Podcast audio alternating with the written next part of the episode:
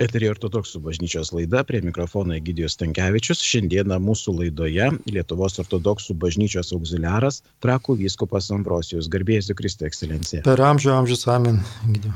Pradedant šią laidą paprašysiu palaiminti mūsų klausytojus. Te palaimina Dievas mūsų visus. Amen.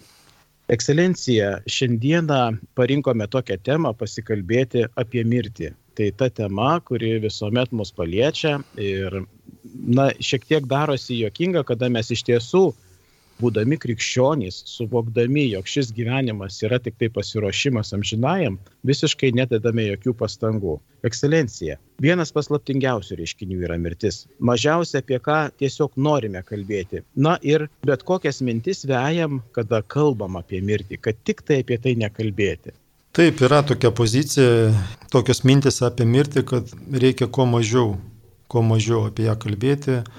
Vienoje iš praeitų laidų mes kalbėjome truputį apie tai, kad e, žmonės, kurie žiūri į šį gyvenimą kaip į pastovę šventę, jiem aišku nelabai malonu net e, kažkaip e, prisiminti apie tos šventės pabaigos galimybę net. Be abejo, niekas nesako, kad šis gyvenimas turi būti tik tai ašaros ir dėjavimai dėl savo nuodėmių, Aišku, tai tikrai šventė, kad ir čia Dievo malonė, kad Dievas mums davė šį gyvenimą, davė net šią dieną, tokią gražią dieną kaip šiandien, bet pamiršti apie tai, kad mes visi mirsim, tai tikrai nereikia nei kam. Ir šventieji apie tai pastoviai sako. Ir pavyzdžiui, vienas iš tokių rimtesnių šventųjų, Isakas Sirinas, sako būtent tai, ką galima pavadinti išmintingu. Ta žmogų, kuris suprato, kad šis gyvenimas turi pabaigą ir kuris nustojo daryti nuodėmės. Tai va tikrai čia yra gera mintis ir šventieji tas mintis sakė ne šiaip savo tik kalbėdami, bet aišku, jie ir patys tai vykdė. Ir vienas kitam nemaišo, kaip sakant. Galim ir džiaugtis gyvenimu, galima ir dėkoti Dievą už gražias dienas, galima dėkoti Dievą už tai, kad mes net matom vienas kitą. Vat, ir dabar laidoj, kai vat, mes galim matyti vienas kitą, bet ir nepamiršti apie mirtį tuo pačiu laiku. Tai ir čia tikrai bus e, tokių išmintingų krikščionių e, pozicija. Tai todėl žmogus, kuris prisimena apie mirtį, tai jis e, tikrai gali būti ir laimingu, ir džiaugsmingu, ir net daugiau džiaugtis, nes kai jis supranta, kad Dievas galėjo ir neduoti jam tos dienos, bet davė, tai galima net tą džiaugsmą net padidinti. Už žmogų gali būti pasidaryti net linksmiau ir e, daugiau dėkoti Dievui už tai kodėl krikščionis neturi bijoti mirties iš esmės? Kaip atsikratyti tos mirties baimės? Sakyčiau, kad e, krikščionis turi nebijoti mirties, o pastovę prisiminti apie ją. Tai čia du skirtingi dalykai. E, žmogus, e, kuris bijo kažko, tai kai nepasiruošęs, tai būtent tada jis bijo. Bet bijo jis tada staigios mirties. Ir mes apie tai net melžiamės, kad e, Dieve neduok mums taip staigiai mirti. Nu, pavyzdžiui, auto katastrofa arba kažkaip dar, nu, ten širdies priepulio, dar kažkaip, vat, būtent, kad žmogus spėtų jau prieš patį mirtį pasiruošti šiam perėjimui į kitą pasaulį, kai jo kūnas e, bus atskirtas nuo sielos. Panašu kažkaip į studentą, kuris bijo egzamino. Ateis egzaminas ir teks atsakyti bet dažniausiai ta baimė susijusi ne su pasirašymu, ar ne, kai žmogus studentavo, kaip sakant, ten mažai mokėsi, daugiau ten priežiūrą sėdėjo ten, arba su draugais ten alų gėrė, tai, tai aišku, jam tada kažkaip tas egzaminas, tai jis net nenori apie jį galvoti ir jo bijo, bet jeigu jis e, kažkokiu nors momentu susimastė apie tai, kad vis tiek neišvengiamai tas egzaminas bus, arba jis net uh, praleisdamas laiką su draugais ir džiaugsmingai praleisdamas vis tiek prisimena apie tai, kad teks e, po to kalbėti apie studijas jau ir atsakinėti į klausimus, tai tada jau studentas tas, jis jau kažkaip e, net pramogų laikotarpiai ruošiasi visų pirma, antra jau taip praleidžia laiką, kad jau jos smegenys galėtų jam po to padėti mokytis ir po jo to laisvalaikio ar ne. Ir vis dėlto prisimena pastoviai, kad reikia kažkiek laiko skirti studijom, kad reikia vis tiek kiekvieną dieną kažkaip studijuoti, kažkiekvieną dieną mokytis, lankyti paskaitas ir taip toliau. Ir tada jau tos baimės mažiau. Vat jeigu mes pažiūrėsime į, studentą, kuris ėjo paskaitas, žino ir dėstytojo vardą, ir vadovėlį, vadovėlis kaip, kaip e, vadovėlis atrodo, ar ne, ir kokios temos ten buvo, ir net, net lankė paskaitas, žino, apie ką buvo kalba, ir net studijavo pats, ir įdomiai ėjusi tą temą. Tai ko jam bijoti? Jam egzaminas čia, kaip sakoma, šventė. Jis ateina kaip tikrai šventė, nes e, tai galimybė jam susitikti su dėstytoju, nesužinoti kažką daugiau, e, pradžiuginti tą patį dėstytoją, kuris jam dėstė ten ištisus metus ir kuris bus aišku patenkintas to, kad studentas kažką prisimena ir gerai prisimena.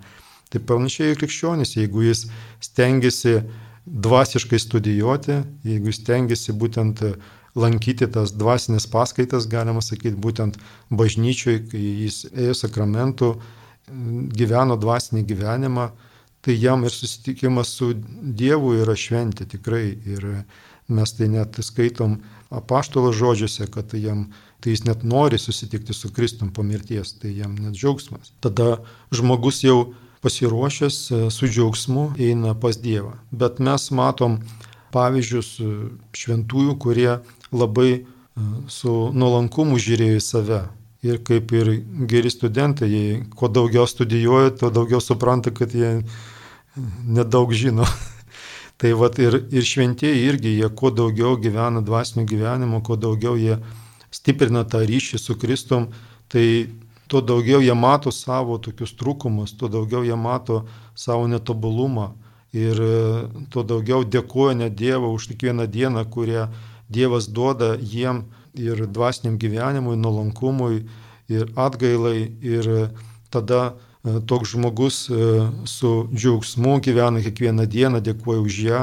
Ir e, kai jis net miršta, jeigu jis net yra šventas, yra tokių net pavyzdžių, kad tie žmonės šventi buvo, bet jie nemano apie save, kad jie yra šventieji. Kai kurie net sako, aš net nežinau, ar aš pradėjau iš vis dvasinį gyvenimą. Ir tokius žodžius mes galim išgirsti nuo žmonių, kurie e, gulėjo jau prieš pat mirtį ir buvo tikrai šventi. Ekscelencija šiek tiek pajokausi, jūs kalbėjote apie studentus, o gal pavyks nusirašyti, na, kažkaip draugas padės, pagalba kažkokia tai bus, ar tiesiog pavyks, kaip sako, tą atsinešti paruoštuką. Taip, e, vat, apgailistauju, bet e, su tais paraštukais jau sunkiau būtent yra, kai žmogus miršta ir tas egzaminas, galima sakyti, jis yra pats sudėtingiausias ir e, pats toks svarbiausias mūsų gyvenime. Čia galima sakyti mūsų gyvenimo egzaminas, tikrai, tikrąją tą žodžio prasme, nes žmogus pragyvenęs tą gyvenimą, jis už jį kaip ir atsako, kaip jis išnaudojo tą laiką, ką jis padarė būtent pastiprinti uh, savo tą ryšį su Kristum, kaip jis vykdė Dievo įsakymus, ar jis gyveno dvasiniu gyvenimu, ar jis buvo žmogum galų gale savo gyvenime. Tuo labiau ten su paraštukais sunku, nes, nes liūdė apie mus ir mūsų sąžinį. Tai va tas draugas tai būtent mūsų sąžinė, kuri mums ne paraštuką duoda jau, o atvirkščiai net e, gali mums net nemalonių tokių dalykų apie mus priminti. Mes tikrai viską atsiminsim, kas buvo su mumis ir nieko negalėsim jau po to pasakyti, kad to nebuvo. Daug dievė, kad tas įprotis, jeigu pas kažką buvo studijų metuose, universitete su paraštukais, e, daug dėvė, kad žmogus laiku suprastų, kad e, tas gyvenimo egzaminas po mirties tikrai bus jau labai rimtas ir e, jokio, jokie paraštukai nepadės. Padės galbūt maldos kitų žmonių, kurie mus myli. Tai čia taip gali padėti, aišku, ir todėl žmonės, kurie tokie yra nulankus tokie, tai jie prašo maldų kitų žmonių, nuoširdžiai prašo maldų kitų žmonių, nes supranta, kad kitų žmonių malda tikrai gali padėti. Galbūt tai galima pavadinti tokiu paruoštuku, bet e, daugiau net ne paruoštuku, o tokia būtent pagalba, į kurią atsižvelgia Dievas, kai mato meilę tų žmonių, kurie meldžiasi už tam tikrą sielą.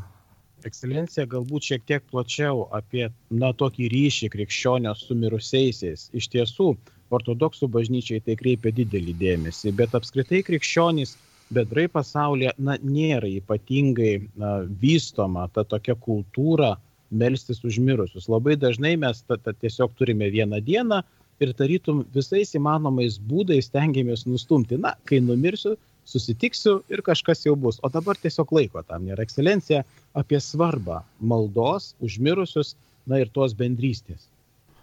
Na, norėčiau pabrėžti, kad e, malda užmirusius nėra mūsų toks kažkoks hobis arba, va, žinot, kai va, buvo laiko, tai pasimeldėm. Tai yra mūsų pareiga. Tai yra mūsų meilės pareiga prieš mūsų mirusiusius. Ir yra net atveju, kai e, žmonės ilgai gyveno ir net buvo neaišku, kodėl jie taip ilgai gyvena. Nu, tie žmogus jau gyvena ilgiau negu 70-80, net daugiau metų ir visi mirė. Ir klausimas, nes pats žmogus jau pavargęs nuo gyvenimo, jau nori net jau mirti, jau ir tai vad būna. Ir vienas iš atsakymų galimų, kodėl žmogus taip ilgai gyvena, tai yra tas, kad jam Dievas e, duoda tokį palaiminimą e, melstis už mirusius. Nes čia jo tokia jo pareiga, nes jau žmonės, kurie mirė, jau jie nieko negali pakeisti, jau viskas. E, jų jau pasirašymo tas laikotarpis šitam egzaminui jau baigėsi ir jie jau negali nei atgailauti, nei nieko. Ta atgaila, kurie jie turi, tai jau nepadeda jiem, jau jie negali pasikeisti. O mes iš kitos pusės e, negalim nei pamaitinti mirusiusius, nei kažkokius drabužius naujus jiem nupirkti ir dar kažkaip išreikšti savo meilę, bet galim pasimelsti ir forma, meilės išreiškimo forma yra pati svarbiausia. Tai mes galim daryti ir name, namuose, aišku, ir bažnyčioj, bet ir kai tvarkom kapus. Vakar aš pats e, buvau kapinėse, tvarkiau ten savo tėvo ir močiutės ir senelio kapus. Ir aišku, galima Nu, kai tu valai tą kapą arba ten sadini gėlės, tai galima galvoti apie kažką kitą, aišku, apie kažkokius reikalus, dar apie kažką, bet galima ir melstis, kai tai darai visus tos reikalus. Ir be to yra ir tokius išskirtinės pamaldos, jau būtent panihyda stačiatikių bažnyčiai, kai jau apie 20 minučių vyksta pamaldos užmirusius arba lityje, truputį trumpiau ten, bet yra išskirtinės dienos metų bėgėje kai jau minimi visi mirusieji ir ypatingai yra tarnaujama liturgija, ypatinga susijusi su mirusių minėjimu.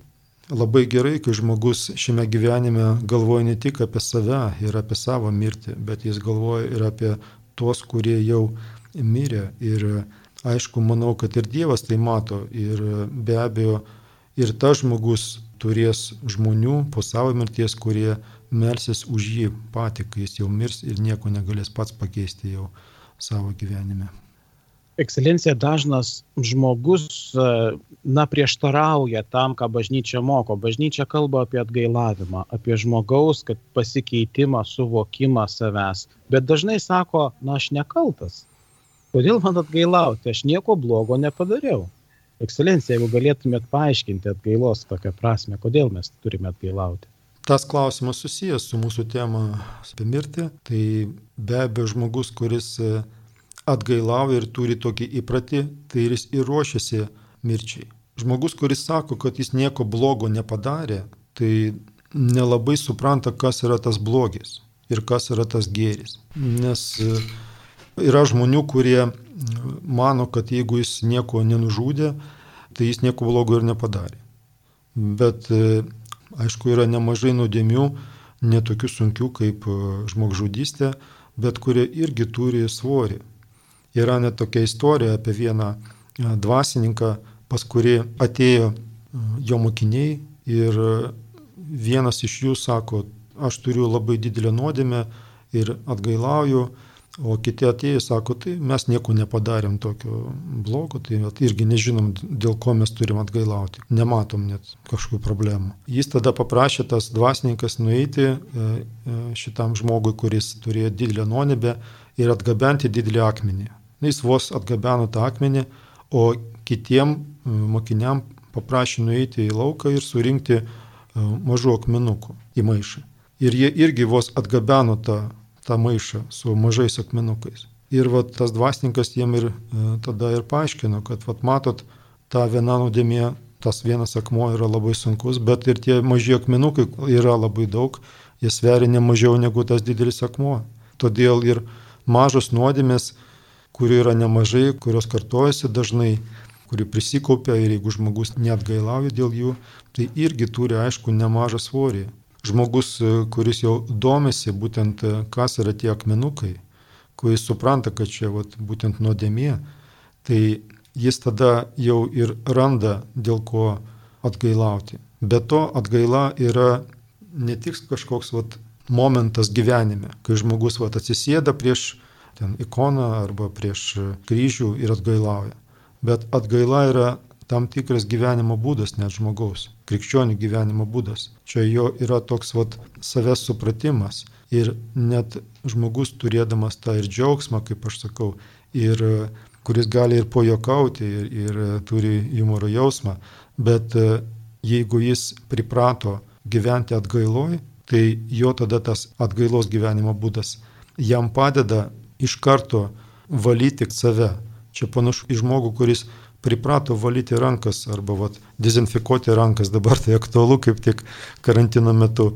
Jam nereikia apie tai priminti, ar ne? Jis pats supranta, kad čia reikia jo sveikatai. Ir jis tada nežino, ar ten tos rankos e, su virusais ar, ar be, vis tiek jis jas dezinfikuoja. Tai čia būtent tos atgailos gyvenimo būdas. Bet kai jis mato, kad tos rankos tikrai purvinos, tai jis ir įvalo jas ir iš karto tai daro, ne, ne atideda rytdienai arba poryt tai padarysiu. Tai, tai būtent tada toks vat, e, gyvenimo būdas žmogui padeda būti sveiku ir nesirgti. O dėl to, kas yra nuodėmė, o kas ne mūsų gyvenime, tai čia jau atskira kalba ir e, žmogus, kuris žiūri į save atidžiau, kuris e, studijuoja ir šventą raštą, ir skaito šventus tėvus, ir katechizisą skaito, tai jis jau supranta, kad nuodėmė yra ne tik kažkaip sunki nuodėmė susijusi su žmogžudystė, ne su kažkuo, bet yra ir kitų smulkių nuodėmių. Ir žmogus atidžiai žiūrintis į save, jis mato savo aistrų pasireiškimą pastoviai gyvenime, net pokalbėje, net kiekvieną dieną. Ir tai iš vienos pusės jį liūdina, nes jis supranta, kad vat, jis nėra tobulas ir mato tas problemas, dvasinės problemas savyje, bet iš kitos pusės duoda jam ir galimybę atgailauti ir būti nuolankiu ir norėti, kad jo gyvenime būtų Kristus, kuris išgelbėtų jį nuo nuodėmės. Tai irgi labai svarbu, nes problema, kuri buvo Kristaus laikais, mes matom tos farisėjus, kurie mane, kad irgi jie, jiem nereikia Kristaus. Jie mane, kad kam mums Kristus, mes nesam nuodėmingi, mes e, teisingai apie raštą kalbam. tai mums ir Kristaus nereikia, todėl ir nužudė Kristų, nes jis nebuvo jiem reikalingas. O jeigu jie turėtų supratimą apie save, tikrą supratimą apie save, ateitų pas Joną, kuris krikštijo visus e, prieš ateinant Kristui, patys ateitų pas jį, irgi pripažintų ir savo nuodėmės ir pasakytų jas Jordanė. Tai jos tada, šitie farisėjai tada Kristų nežudytų, jie, jie tada irgi Kristus jiems būtų reikalingas. Būtent reikalingas kaip Dievas, kuris išgelbės juos nuo nuodėmies. Tai bet tame ir problema mūsų gyvenime, dabar dabartinė gyvenime, kad ir kai kada sakoma, tai kažkaip žmonės pamiršo apie Kristų. Nu, jiem jis nereikalingas. Tai vat būtent todėl ir pamiršo, kad kažkaip nemato savo nuodėmių. Mano, kad jie nėra nuodėmingi. Mano, kad jie yra tobuli net. O kai kurias nuodėmės tai bando net ir kažkaip reklamuoti, kitus skatinti tai daryti kartu ir taip toliau. Ekscelencija taip pat dar būna tokių labai įdomių klausimų, kada žmogus, na, nejaučia tos ribos. Labai dažnai sako, na, čia mano likimas, viskas iš anksto nuspręsta ir labai dažnai maišo tai su Dievo valios prieimimu. Ekscelencija, kaip čia nepadaryti klaidos? Dievo valios prieimimas ir tas kalbėjimas, kad viskas iš anksto nuspręsta, žmogus jokios laisvės jau čia praktiškai ir nebeturi.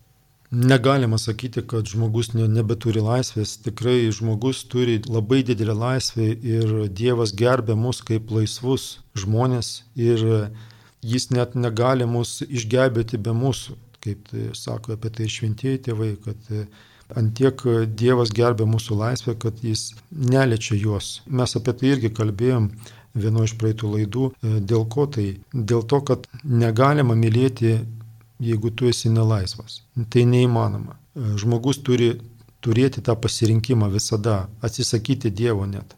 Ir jeigu jis laisvai priima Dievą, laisvai eina prie jo, tai tik tai tada tas žmogus e, jau gali būti kažkaip valdomas arba va, taip priverstas mylėti, ar ne, bet va, būtent jis yra jau laisvai išrinkęs Dievą ir laisvai einantis e, pas jį ir norėdamas būti su juo po mirties. Tai todėl ta laisvė tai tikrai yra pas mus ir be jos būtų neįmanomas joks dvasinis gyvenimas ir net e, galimybė net e, būti po mirties su Dievu laisvai.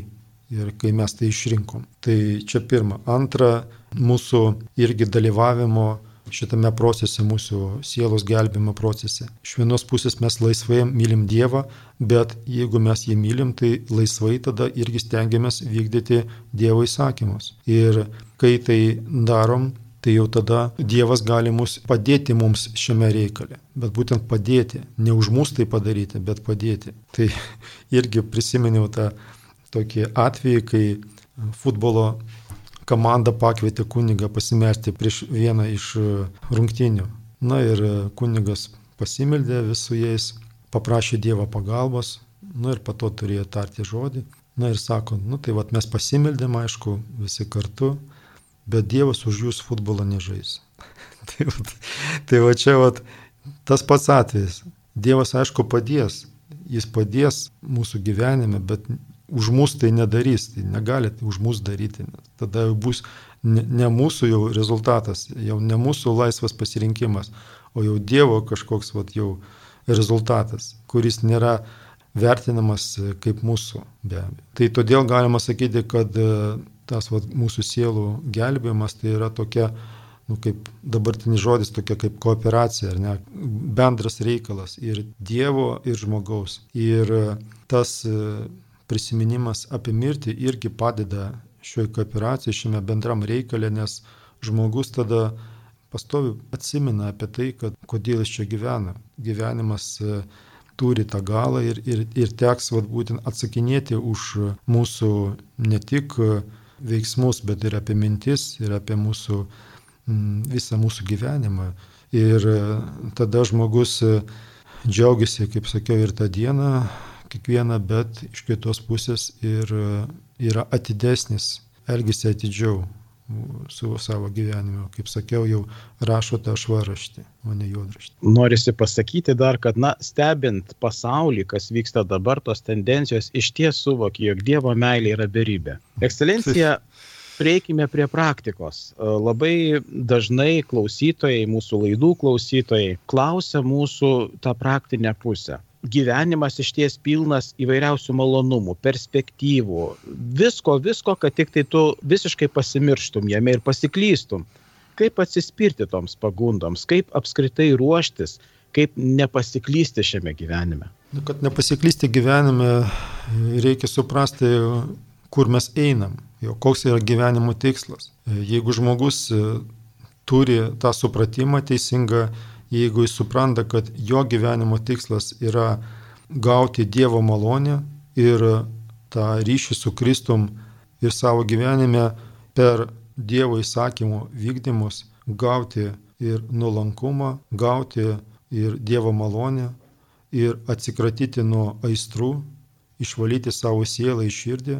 Jeigu žmogus supranta, kad būtent tai yra jo gyvenimo tikslas ir kad per tai ir darant tai jis pasiruoš šiam svarbiausiam egzaminui kaip mirtis, tai tada visi kiti reikalai, jie jau aišku yra vykdomi, daromi, bet tai jau yra jau tokie kaip antri klausimai, nu, jau nėra svarbiausi gyvenimo klausimai. Ir tie tikslai, kurie yra e, jau susiję, susiję su gyvenimu, to, eiga, nu, studijos, taip toliau, taip toliau, ir darbas, ir panašiai, ir net tai vat, mūsų ten pareigos, tai jau tik tai arba tam tikri jau tikslai, tarpiniai tikslai gyvenime, nu, kai žmogus kažką panorėjo, pavyzdžiui, namą pastatyti, tai jie būtent tarpiniai tikslai, o ne pagrindiniai gyvenimo tikslai.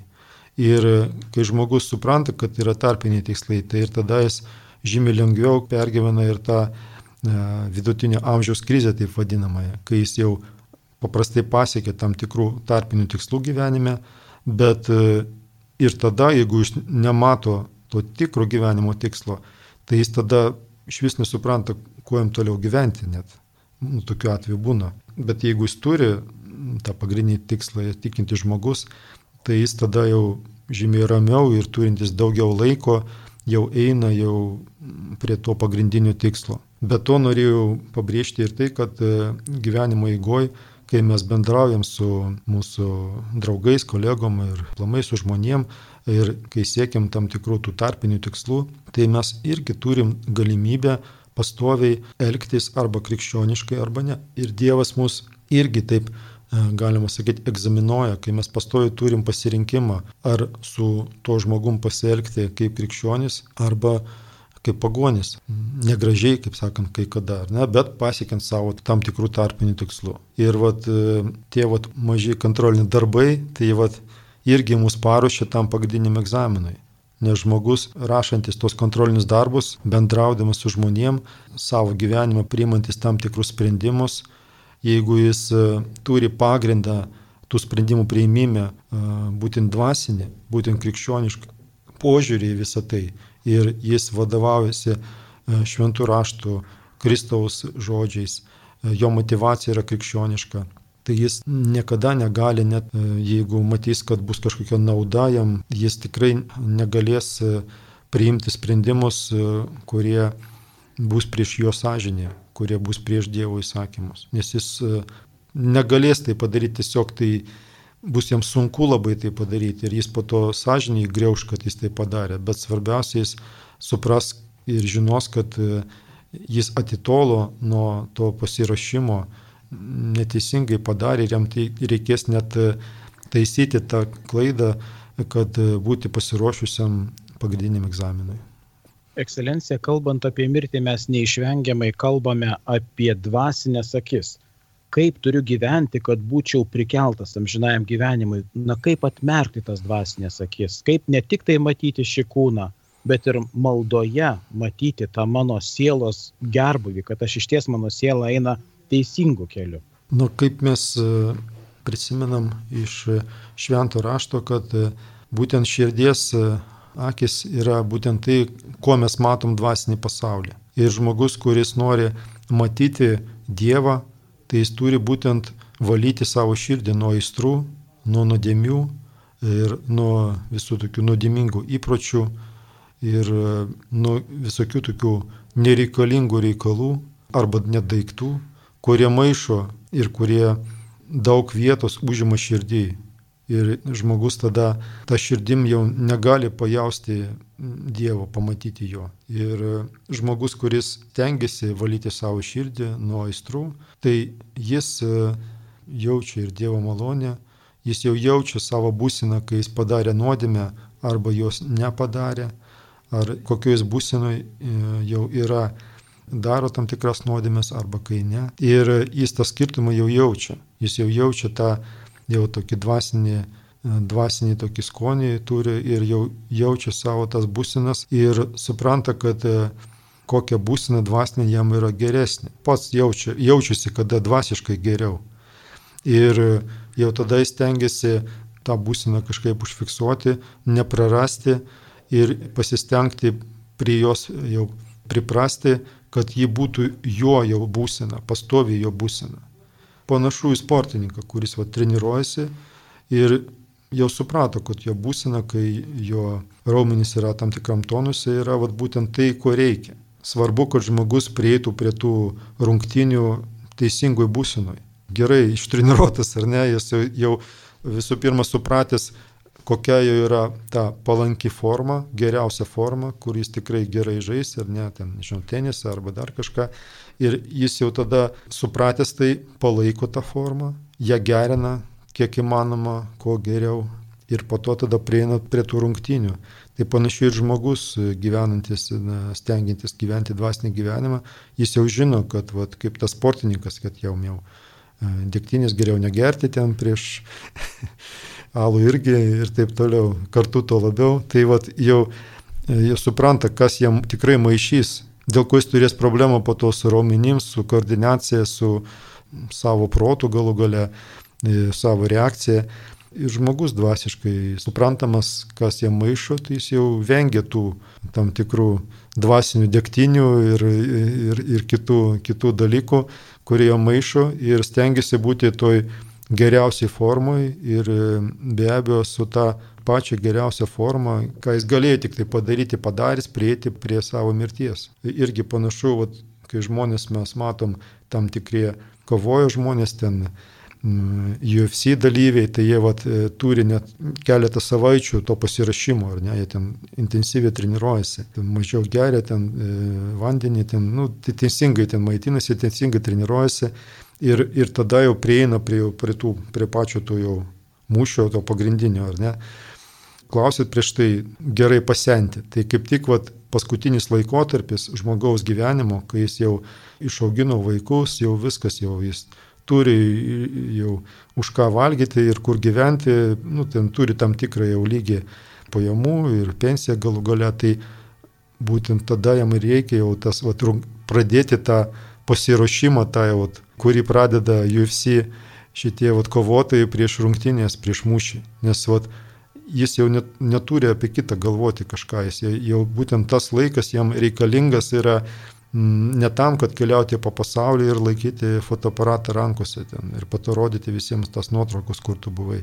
Tikrai ne tam. Arba, arba žmonės, sakau, pradeda kartais gyvenimo pabaigoje eiti į depresiją arba ten gerti daug, nes nu, kažkaip neturi tikslo, gyvenimo tikslo, visi tikslai vat, pa, jau pasiekti arba ten jau laikas nuėjo ir kažkaip vat, jau nėra ko gyventi, ar ne, žmogus net nori mirti, nes jis nesupranta, ko, kam jam toliau gyventi. Tai vat, būtent tam ir gyventi, kad jau intensyviai ruošti save vat, tam perėjimui į kitą pasaulį ir vat, tai yra pats atsakingiausias laikotarpis gyvenime, kai žmogus jau turi daugiau laiko e, ir laisvo laiko tokio jau, ir, ir jau subrendęs žmogus ir turi jau apie ką pagalvoti ir apie tai, kas buvo ir apie tai, kas bus. Tai vat, tikrai jam jau tada reikia susimastyti su džiaugsmu, dėkodamas Dievą už kiekvieną dieną tai daryti.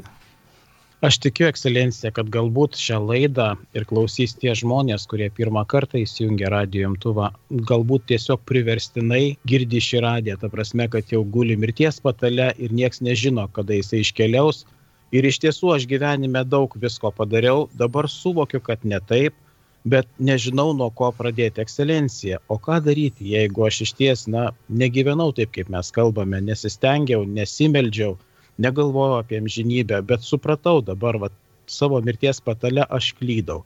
Nu visų pirma, reikia, aš manau, padėkoti Dievui už tai, kad Jis e, dar davė ir šią minutę, ir šią dieną, ir žmogus dar gali e, čia žemėje mąstyti apie save, žiūrėti į savo gyvenimą dar susitaikyti ir su žmonėm, ir su Dievu.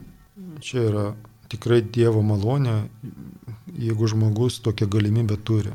Manau, kad pradėti reikia būtent nuo to, kad padėkoti Dievą už tą galimybę, nes jos galėjo ir nebūti. Antra, gerai būtų atleisti, nes gyvenime būna įvairių atvejų ir situacijų, kai mes turim tokias mintis, kurios neduoda mums ramybės, žmonės net pyksta labai ilgai ant vienas ant kito ir e, negali atleisti vos ne visą gyvenimą. Ir tai irgi labai labai svarbu e, atleisti, nes kaip mes ir Dievas mūsų, Kristus mūsų mokino, melstis ir Tėvė mūsų tą maldą mes norim kad ir prašom, kad Dievas atleistų mūsų nuodėmes, kaip mes atleidžiam. Nu, tai jeigu mes toliau prašysim Dievo atleidimo, tai kad Jis mūsų atleistų mūsų nuodėmes, tai kaip tai gali vykti, jeigu mes neatleidom niekam arba nors kažkam.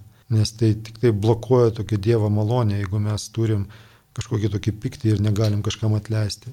Nu tai vad svarbu labai su visais susitaikyti mintysė, jeigu net mes negalim tą žmogų pamatyti arba išgirsti arba pakalbėti su juo, bet vat, atleisti tikrai tos žmonės, kurios mus kažkaip padarė mums kažkaip skaudu. Be to, jeigu yra galimybė, tai būtų gerai susitaikyti ir su visais žmonėm, jeigu yra galimybė, tai paskambinti mūsų dabar laikais, tai tikrai galima pakalbėti, bet su kuriuo žmogum pasaulyje, kuris nebebūtų, arba parašyti jam laišką internetu, kaip nors ten paprašyti kažką, bet labai svarbu būtent savo tą parodyti ir, kad tai ne tik būtų parodimas kažko, bet tai, kad būtų iš tikrųjų tai būtų, kad mes apgailistautume dėl mūsų tam tikrų veiksmų arba žodžių arba net minčių, kurie įskaudino kitus žmonės. Ir toliau tada, jeigu žmogus ruošiasi rimtai savo mirčiai ir galvoja ir supranta, kad jau netiek ilgai laiko jam liko,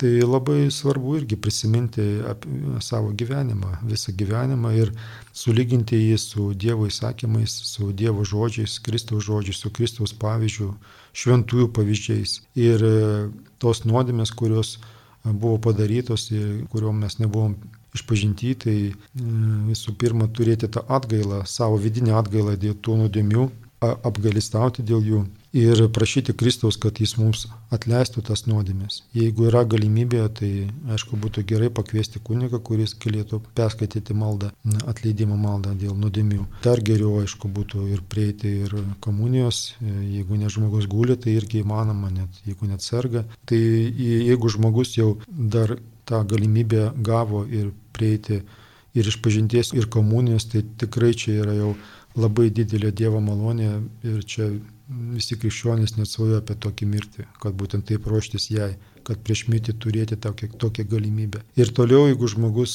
kaip aš jau sakiau prieš tai, suprasdamas ir matydamas savo nuodėmės ir prašydamas, kad Dievas jam atleistų ir ieškantis Kristaus, tai vad jeigu jis šioje būsinoje po išpažinties ir po komunijos, ieškodamas Kristaus ir melsdamas jam su nuolankumu ir atgaila, Tai va čia būtent ta būsena, kuriuo turi žmogus būti prieš mirtį, šventų tėvų pozicija ir patarimas. Tai ir tada jau žmogus, aišku, ir su tokia, kaip jūs sakėt, tam tikra baime laukia mirties, bet ir su džiaugsmu, kad ir jo lyga, kuri būna labai sunki, su kančiom baigsis ir kad Dievas galų galiai priims e, pas save ir su būtent to tikėjimu, kad e, Dievas mus myli ir darys viską mūsų, mūsų sielai, ką tik galima gero padaryti, bet ir laukdamas nuo mūsų tos atgailos ir e, to siekimo Kristaus, tai tada su to tikėjimu Kristų ir e, su džiaugsmu tada jau laukti tos paskutinės minutės. Norėčiau, kad jūs pakomentuotumėt tokį pagrindinį receptą, kuris labai gražiai skamba. Viešpatie Jėzau Kristau, gyvojo Dievo sūnau, pasigailėk manęs nusidėlio.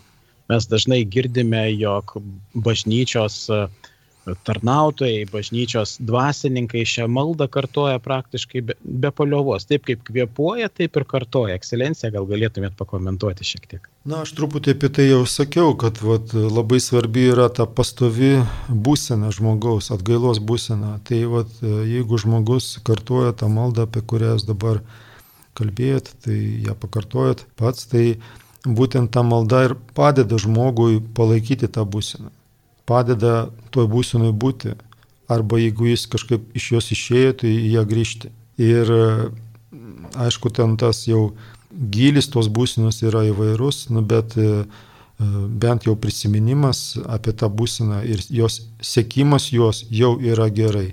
Ir jeigu žmogus uh, kaip vat, mes sakėm, jau negali ir klausyti pamaldų bažnyčių ir negali jis jau kažkaip jau mestis pagal maldyną, bet va, ta malda tai visada su juo gali būti. Yra ir trumpesnių variantų tos maldos, viešą patį pasigalėk mane ir, ir, ir tai yra gerai, jeigu žmogus negali jau mestis ilgiau, kaip jūs sakėt, daugiau žodžių naudoti šitoje maldoje. Ši malda iš vienos pusės palaiko tą atgailos būseną Iš kitos pusės tą maldą ir to, tai žodžiai žmogus pripažįsta savo Dievo Jėzų Kristų ir be to, aišku, ta malda duoda ir Dievo malonę. Tai be abejo, jeigu žmogus tai su teisingai toj būsinoje, atgailos būsinoje, su tikėjimu į Kristų, kartuoja tos žodžius. Ta malda labai padeda, bet gerai būtų turėti tam tikrą dvasinį tokį vadovą, kuris padėtų ir duotų patarimus kaip geriau melstis ir kaip geriau laikyti tą būsiną ir e,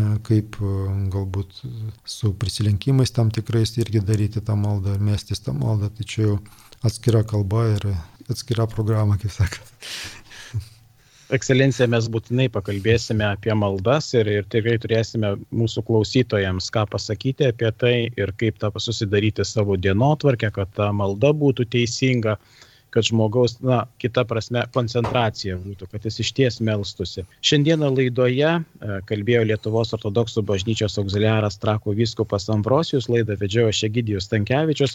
Šiandieną kalbėjome apie mirtį ir laidos pabaigai, ekscelencija, palaiminkit mus. Na, norėčiau visus palaiminti, kad palaimintų Dievas mus visus ir kad e, norėčiau palinkėti mūsų klausytojams, kad uh, Dievo akise ir mūsų mirtis būtų brangi. Ir kad mūsų mirtis nebūtų, nebūtų baisi mums, o būtų brangi Dievo akise. Tai norėčiau visiems mums palinkėti. Te palaimina Dievas mūsų visus.